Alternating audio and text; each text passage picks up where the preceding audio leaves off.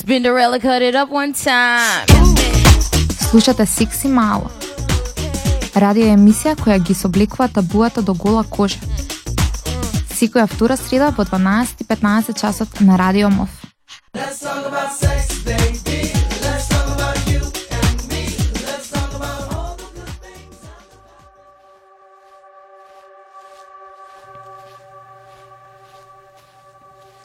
7 февруари, втората среда од овој месец во кој што секси малци повторно ве дружат од студиото на Радио Мов. А, денеска во студио сме јас и Лина. А, Лина, како си денеска? Здраво, здраво и од мена. А, како можеш да бидеш кога си во студио со Тина и со сите останати во Радио Мов? Со одлична тема, една од помилените која што веќе неколку пати ја опфативме, се уште имаме што да кажаме. Точно, како што каже Лина, темата за која што безброј пати имаме зборувано и се уште апелираме до институциите и власта во Македонија дека треба да стане а, необходна во формалното образование во Македонија и секако тоа е сеопфатното сексуално образование. И по-конкретно во денешната емисија на Секс и мало ќе зборуваме за врската меѓу сексуалното образование и постоичките проблеми во нашата земја. Продолжуваме со кратка музичка пауза. Во меѓувреме со Лина да се договориме од каде ќе почнеме и со што ќе завршиме. А, и ве дружиме повторно во вториот блок.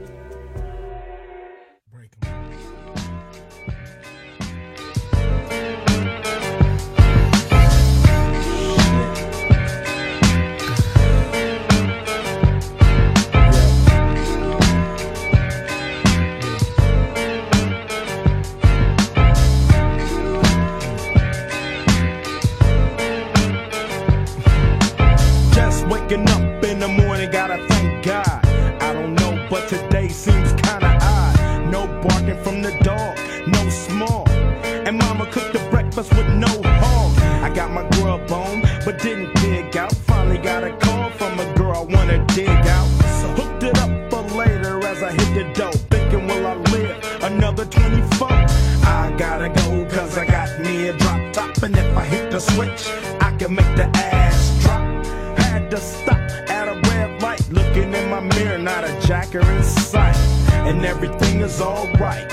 I got a beat from Kim, and she can fuck all night. Called up the homies, and I'm asking y'all, which part are y'all playing basketball? Get me on the court, and I'm troubled. Last week, fucked around and got a triple double. Freaking niggas every way, like MJ. I can't believe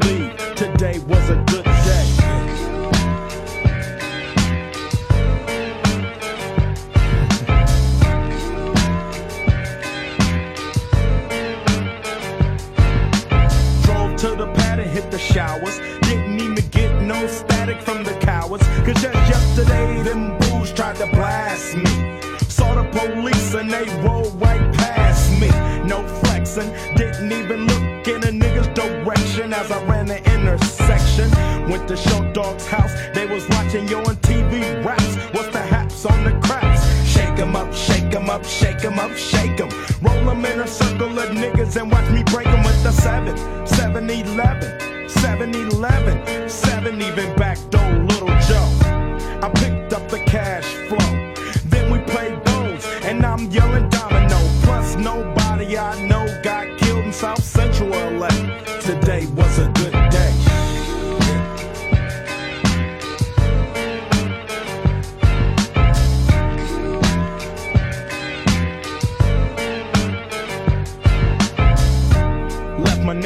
just paid. Picked up a girl, been trying to fuck since the 12th grade. It's ironic. I had the boo, she had the chronic. The Lakers beat the supersonics. I felt on the big fat fanny, pulled out the jammy, and killed the poop nanny. And my dick runs deep, so deep, so deep, put her ass to sleep. Woke her up around one, she didn't hesitate to call Ice Cube the top gun. Drove her to the pad, and I'm cold a sip of the potion, hit the three wheel motion. I was glad everything had worked out. Dropped her ass off and then chirped out. Today was like one of those fly dreams. Didn't even see a berry flashing those high beams. No helicopter looking for murder. Two in the morning, got the fat burger. Even saw the lights of the Goodyear blimp, and it went ice cubes up pimp. Drunk as hell, but no throwing up. Halfway home and my page is still blowing up. Today I didn't even have to use my AK. I gotta say it was a good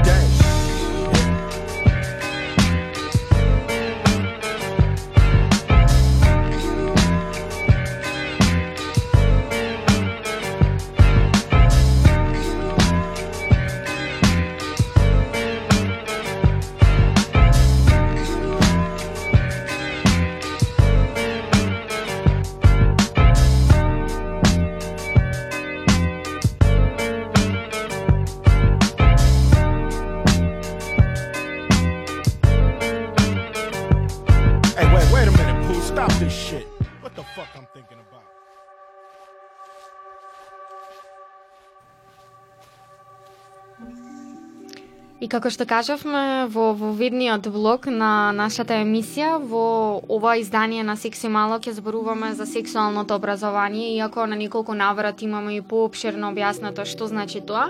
И меѓу другото и други невладени организации периодов беа активни во тоа на јавноста, особено на младите луѓе во Македонија, да им го дообјаснат поимот, да им дообјаснат зошто треба да стане необходен дел од формалното образование во секое основно и средно училиште, а зошто не и во на факултетите. А, кога зборуваме за сексуално образование, подразбираме образование што го опфаќа целосниот систем на вредности кои што ќе им овозможат на децата, а особено и на другите млади, да ги практикуваат своите сексуални и репродуктивни права и да донесуваат одлуки поврзани со нивната сексуалност и со нивното здравје. А, и под ова се подразбираат сите достапни и релевантни информации кои што ќе им овозможат на младите да го одберат она што е најдобро за нив. При тоа се земаат во предвид гледиштата кои што произлегуваат од различни традиционални, религиозни или културни вредности, вредностни системи. Лина, во моментов дали држиш некаде едукација? А, а, во Орца сме заедно со уште една едукаторка, Ната, ја ја поздравуваме од студиото ако не следи. Поздрав до Ната.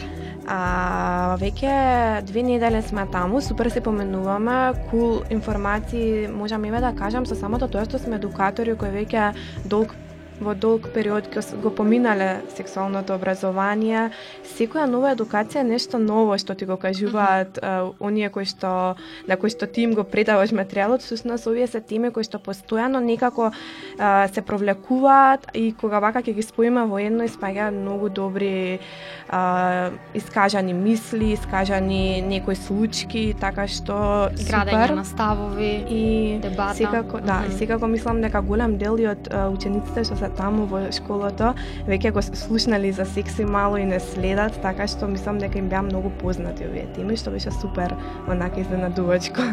Точно. А, јас пак со Мартин заедно држиме едукација во основно училиште во 11 октомври а, и тоа на 9 оделенци до година што ќе продолжат веќе во средно училиште и на вистина бивме изненадени од степенот на кој што односно од големината на нивните размислувања позитивни велам во однос на нивното сексуално и репродуктивно здравје. А, може би не идовме на проблеми и потешкоти да им ги објасниме сите ризици кои што можат на кои што можат да наидат додека а, треба да се погрежат за нивното репродуктивно, но и сексуално здравје, но секако во однос на темите како што се граѓански аспекти, а, сексуални ориента, ориентации, така натака и така натака, особено и род секако, а, се снајдува многу добри. А зборуваме за деца кои што се се уште во основно училиште. А, Лина, а, кој е начинот на кој што едно дете треба да ги осознава работите еднаш целосно и сеопфатно за да му биде објаснето или за да му биде објаснето за сексуално образование или подобро е тоа да биде а, полека и етапно со во однос на возраста на која што се наоѓаат. Со самиот а, со самото сексуално образование а, како процес кој што може нели како што кажа и ти да биде дали во основно, дали во средно, па зошто да не биде во факултет со самото тоа сваќаме дека тоа е еден доживотен процес на учење кое што секако мора и се препорачува да започне уште во раното детство, секако со приспособени теми за возраста и така натаму, кое што потоа продолжува низ целиот живот и а, на објавените стандарди за сексуалното образование во Европа на Светската здравствена организација препорачуваат дека сексуалното образование треба да започне од самото раѓање. Во рамките на воспитно образовниот процес важно е да се има предвид фактот дека децата треба да бидат упатени и подготвени за соодветни промени поврзани со нивната, нивниот сексуален развој пред се тие а, да се случат или да објаснат некои процеси, мислам со самото тоа што а, сораѓањето децата нели ги сместуваме во една кутија каде што многу ретко одбираат што на вистина тие сакаат, а не што нивните родители разбираат и сакаат. Затоа самото со самото раѓање конкретниот одговор кој што би можеле да го дадеме, никакво именување на половите органи со секакви имиња, сместување во розева соба, плава соба што го имаме зборувано многу многу пати. Така, и кога некој ќе напраша, дечки, што е вашето мислење, зошто до сега немаме вакво образование, а да е станато редовно во основно и во средно училиште, па дури да е факултативен предмет, дали е свесно или намерно се заобиколува или е само невнимание и пропуст. А, ние на тоа ќе одговориме дека неколку декади наназад сексуалното образование на вистина беше едно од најконтроверзните прашања заради стравот дека зголемената информираност и знаење би ги потикнале младите на порана и поголема сексуална активност. Сепак искуството од земите каде што постои сексуално образование во училиштата, како и голем број на студии покажуваат сосема обратни резултати, односно позитивни резултати. А, и во тие земји младите не само што знаат самите да се заштитат од некои сексуално преносливи инфекции, знаат и да го одберат најдоброто контрацептивно средство за нив, кој што соодветствува со нивните избори, начинот на живот и секако здравствената состојба во која што тие во моментот се наоѓаат и а, кога ќе не прашаат исто така што добиваат младите од сексуалното образование, велиме дека обезбедени се со информации за нивното сексуално и репродуктивно здравје, а, свесни се за последиците од незнаењето, предрасудите, хомофобијата и дискриминацијата кои што можат да произлезат доколку не се разговара отворено на овие теми. И исто така се стекнуваат со вештини како практични, комуникацијски, така и социјални за самостојно донесување на одлуки и со соочување со ризично однесување, ненасилно разрешување на конфликти и така натаму. Исто така и развивање на собствени ставови и вредности. А, Елина, заедно со Нате и со Виктор, неодамна а, учествувавте на еден проект во Брисел. А, ке сакаш ли да ни кажеш нешто повеќе за тоа? А, проектот секако беше поврзан со темата која што ја зборувавме денеска, беше со насловот ССО амбасадори или амбасадори за супатно сексуално образование. Беше при крајот на минатата година во Брисел, каде што имаше млади луѓе едукатори од различни земји во Европа како Литванија, Латвија, Кипар, Белгија, секако Босна, Србија и Албанија каде што заедно ги поменувавме повторно сите теми да видиме каква е ситуацијата во сите тие различни земји, зборувавме како се повеќе да застапуваме ССО, како на едноставен начин да ми го приближиме и на родителите да ги вклучиме во процесот, она што ние го направивме на некој начин во Македонија што ќе дознаете подоцна во емисијата како беше тоа а, зборувавме за докада сме на, со користењето на модерната контрацепција. За жал, Македонија се уште е на тие два помалку од 2% користење на орална контрацепција. Подоцна зборувавме за воведување на сеопфатно сексуално образование во училиштата, конкретно кога велам сеопфатно мислиме на сите компоненти. Тоа е многу битен аспект што не сите земји во Европа се сложуваат дека треба да бидат воведени сите седум компоненти, а тоа е една битна етапна програма која што ако не почне од род не може никако да продолжи во граѓански аспекти, во контрацепција и сите кои што сте биле вклучени во процесот на самите обуки, на едукација и слично, самите сте свесни колку е битно да почнеме по етапи и колку е битно да го изградиме сеопфатно сексуално образование не само со со, со е, преносливи инфекции, со контрацепција, така, со оние биолошки аспекти да. на сексуалноста и репродуктивното Да. здравје, туку и други Да, аспекти кои да, што треба да така, бидат да. опфатени. А, инаку се јавува и проблем, особено на едукациите, кога забележуваме дека женските, односно девојчињата, се малку послободни во однос на изразување на нивните ставови, па тука се и сексуално преносливите болести за кои што се верува дека грижата останува за истите само на девојчињата или барем кај оној партнер кај кој што ќе се појават некакви симптоми. А, но еве и во оваа емисија ние ќе ја искористиме приликата да потенцираме дека грижата за сексуалното и репродуктивното здравје не ги засега само жените, односно девојчињата, туку и мажите кои што треба да имаат еднаков пристап до информации. А, инаку Хера е членка на организацијата Men Engage, која што се стреми да ги вклучи мажите во остварување на родовата еднаквост, но и во унапредување на нивното сексуално и репродуктивно здравје а, мажите и момчињата од статистиките кои што ги имаме а, велат дека се помалку информирани од девојките, исто така преземаат и повеќе ризици под според кодат на лекар, само во моменти кога состојбата е нагло влошена, па може би со поддршка на некој од родителите или пријателите ќе се одлучат да појдат на преглед и затоа имаат и полоше здравје. А, тие се и жртви на родовите улоги или идеали кои што постојат во општеството, односно мачуизмот кон кој што се стремат истите. Ова го гледам и во нашите младински пријателски центри, сакам да знам, а го гледам и за време на обуките за сексуално образование, како што кажав, каде што момчињата најчесто ги застапуваат оние ставови дека тие треба да истрпат по секоја цена за што и да станува збор. Um, сигурно ќе се согласите колку ретко се зборува за менталното, односно психичкото здравје на момчињата и на мажите, а не да зборуваме па и за некои здравствени состојби кои што ги засегаат и момчињата и девојчињата.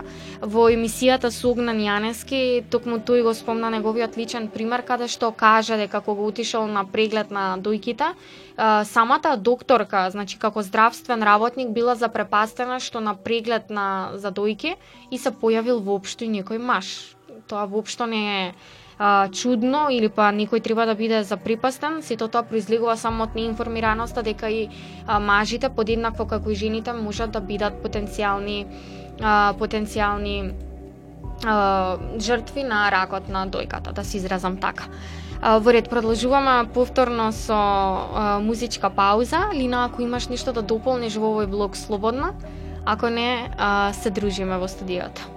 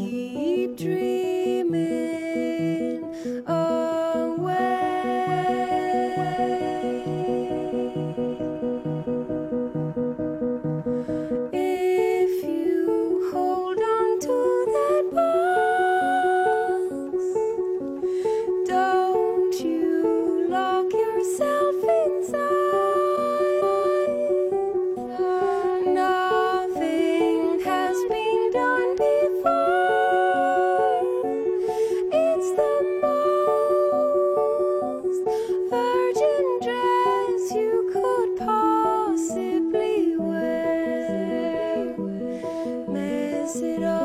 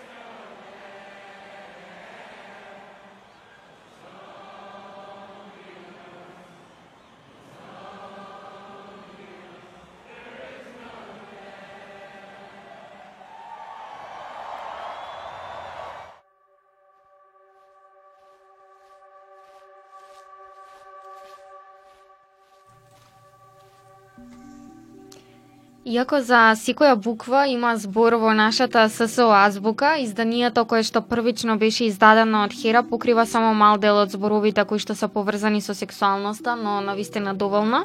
До следното проширено издание во овој блок на Секси Мало ги поздравуваме авторите на истото, тоа се Љупка, Виктор и Христина, кои што навистина придонесоа за постоење на ССО азбуката издадена од страна на Хера во која што беа напишани за секоја буква одредени зборови поврзани со сексуалноста и репродуктивното здравје, подкрепени секако со изјава за поддршка на сите лица кои што ќе го прочитаат ова, а во одреден период од животот не им биле скрос јасни овие поими.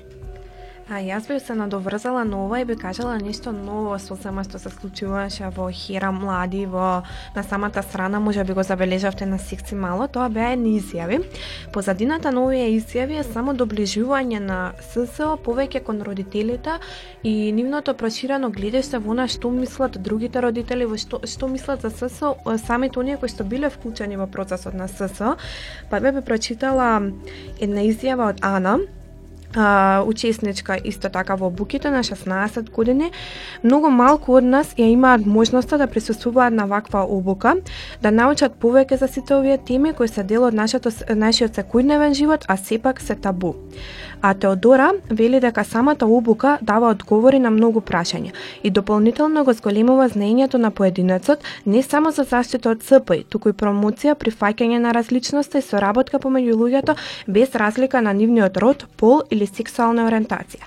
А родителите на некои од учесниците на обуката велат дека на СРЗ треба да гледаме подеднакво важно како и на целокупното физичко и ментално здравје. Затоа сите ние како родители треба да се залагаме за квалитетно ССО за нашите деца, што со сигурност води до поинформирано и поздраво општество кое ги третира сите луѓе и права еднакво. Овие се сусам убави изјави кои што следата неки има се уште објавени на страната на Секси Мало да погледнете што мислат оние кои што навистина го поминале целиот процес и како вие доколку се двумента дали да присуствувате на СС обука или дали вашето дете да присуствува на СС обука, ви препорачувам да прочитате што се има да ви кажат. А, Тина, јас би те поставила само едно прашање, дали треба проширување на наставната програма и воведување на ССО во формалното образование и колку е Македонија подготвена за ССО? Важно е да се напомене дека не постои еден модел за воведување на сексуалното образование, односно сеопфатно сексуално образование во сите земји. секоја земја треба да се одлучи за моделот кој што ќе биде најсоодветен на социјалните состојби, а, но кој што ќе остане во линија со научните сознанија, не да се заснова на идеологии и верувања.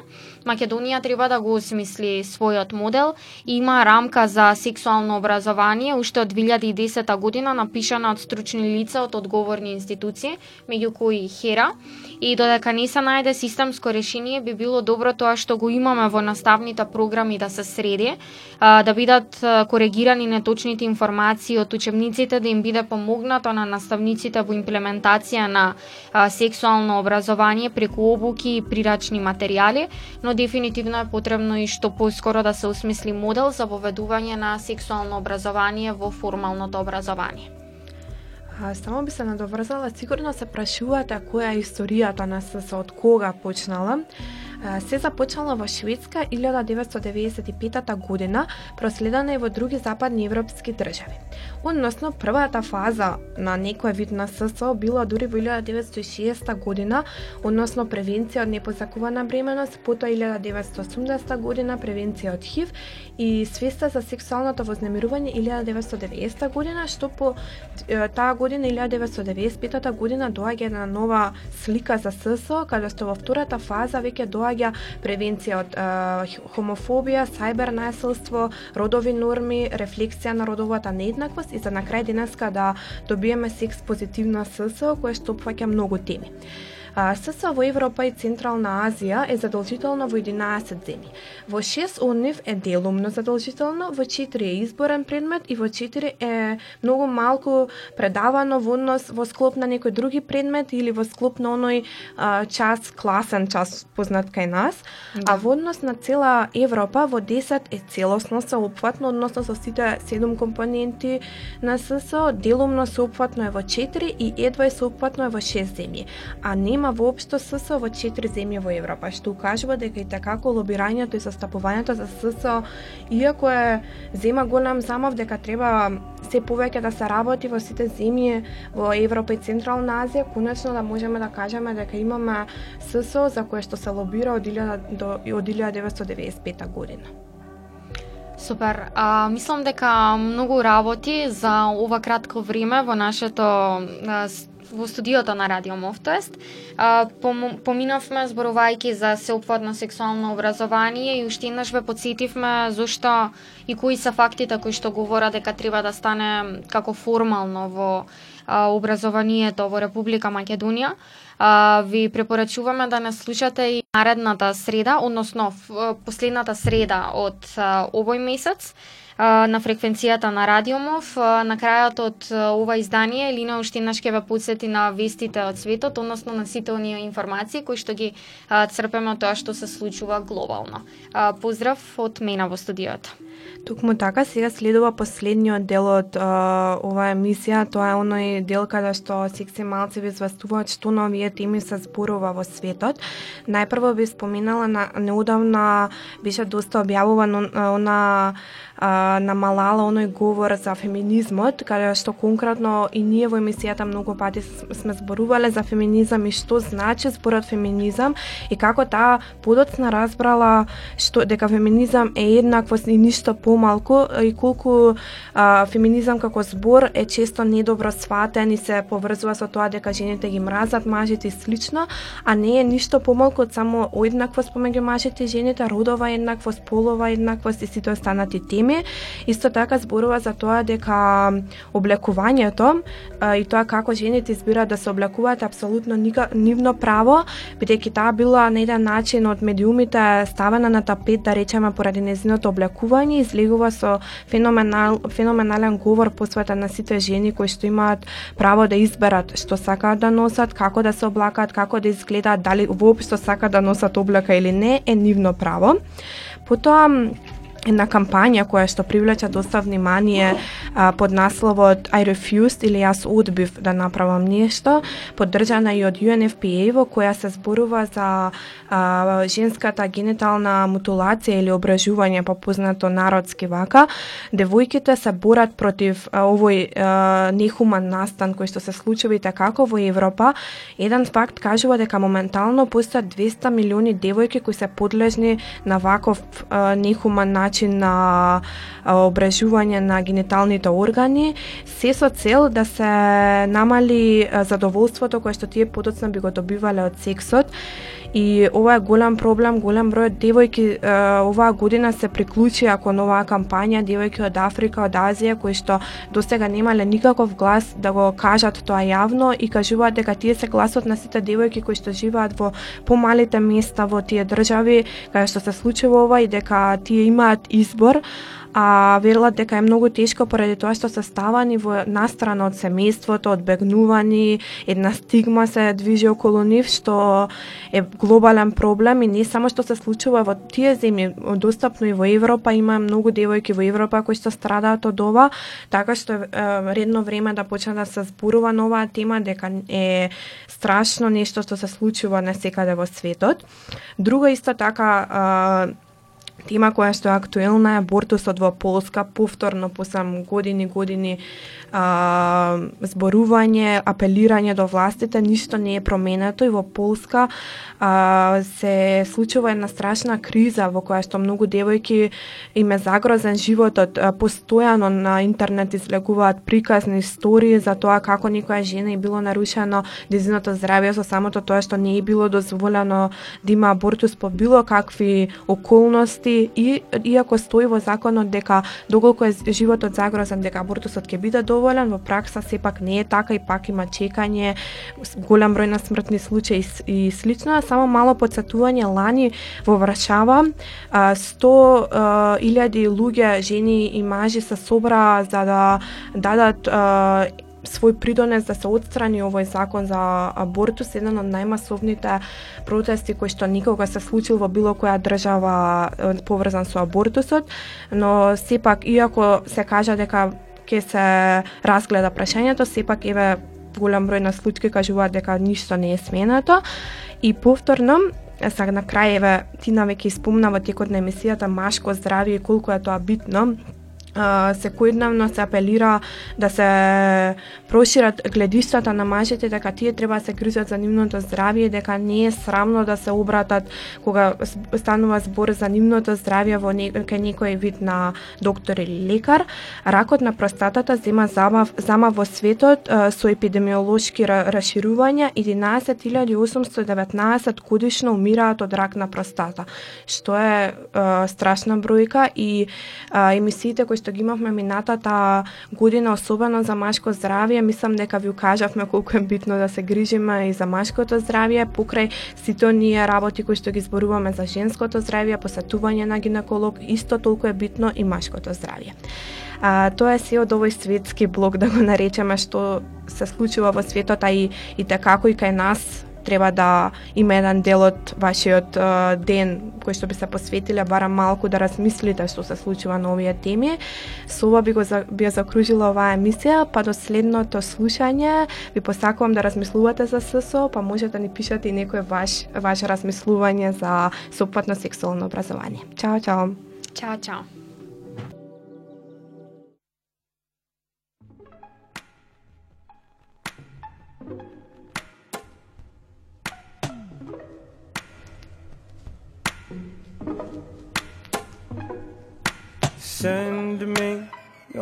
Your location, let's focus on communicating. Cause I just need the time and place to come through.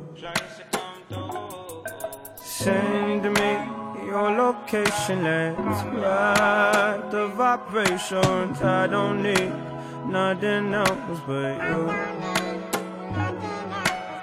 At times I wonder why I fool with you, but this is new to me this is new to you initially.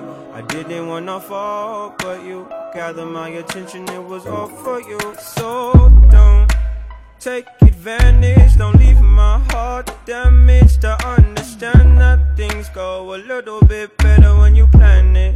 Oh, so won't you send me your location? Let's focus on communicating, cause I just need the time and place to come through.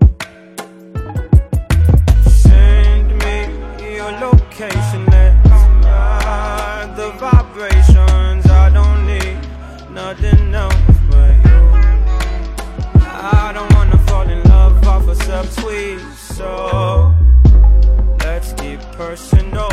I got a lot of cool spots that we can go. Tell me what's the move and I got you. I'm only acting like this cause I like you just give me the slide in. Oh, I might make you mine by the night then. Share me your location, let's focus on communicating. Cause I just need the time and place to come through. Send me your location, let's find the vibrations. I don't need nothing else but you. Ride, ride, ride, come and vibe with me tonight. I don't need nothing else but you.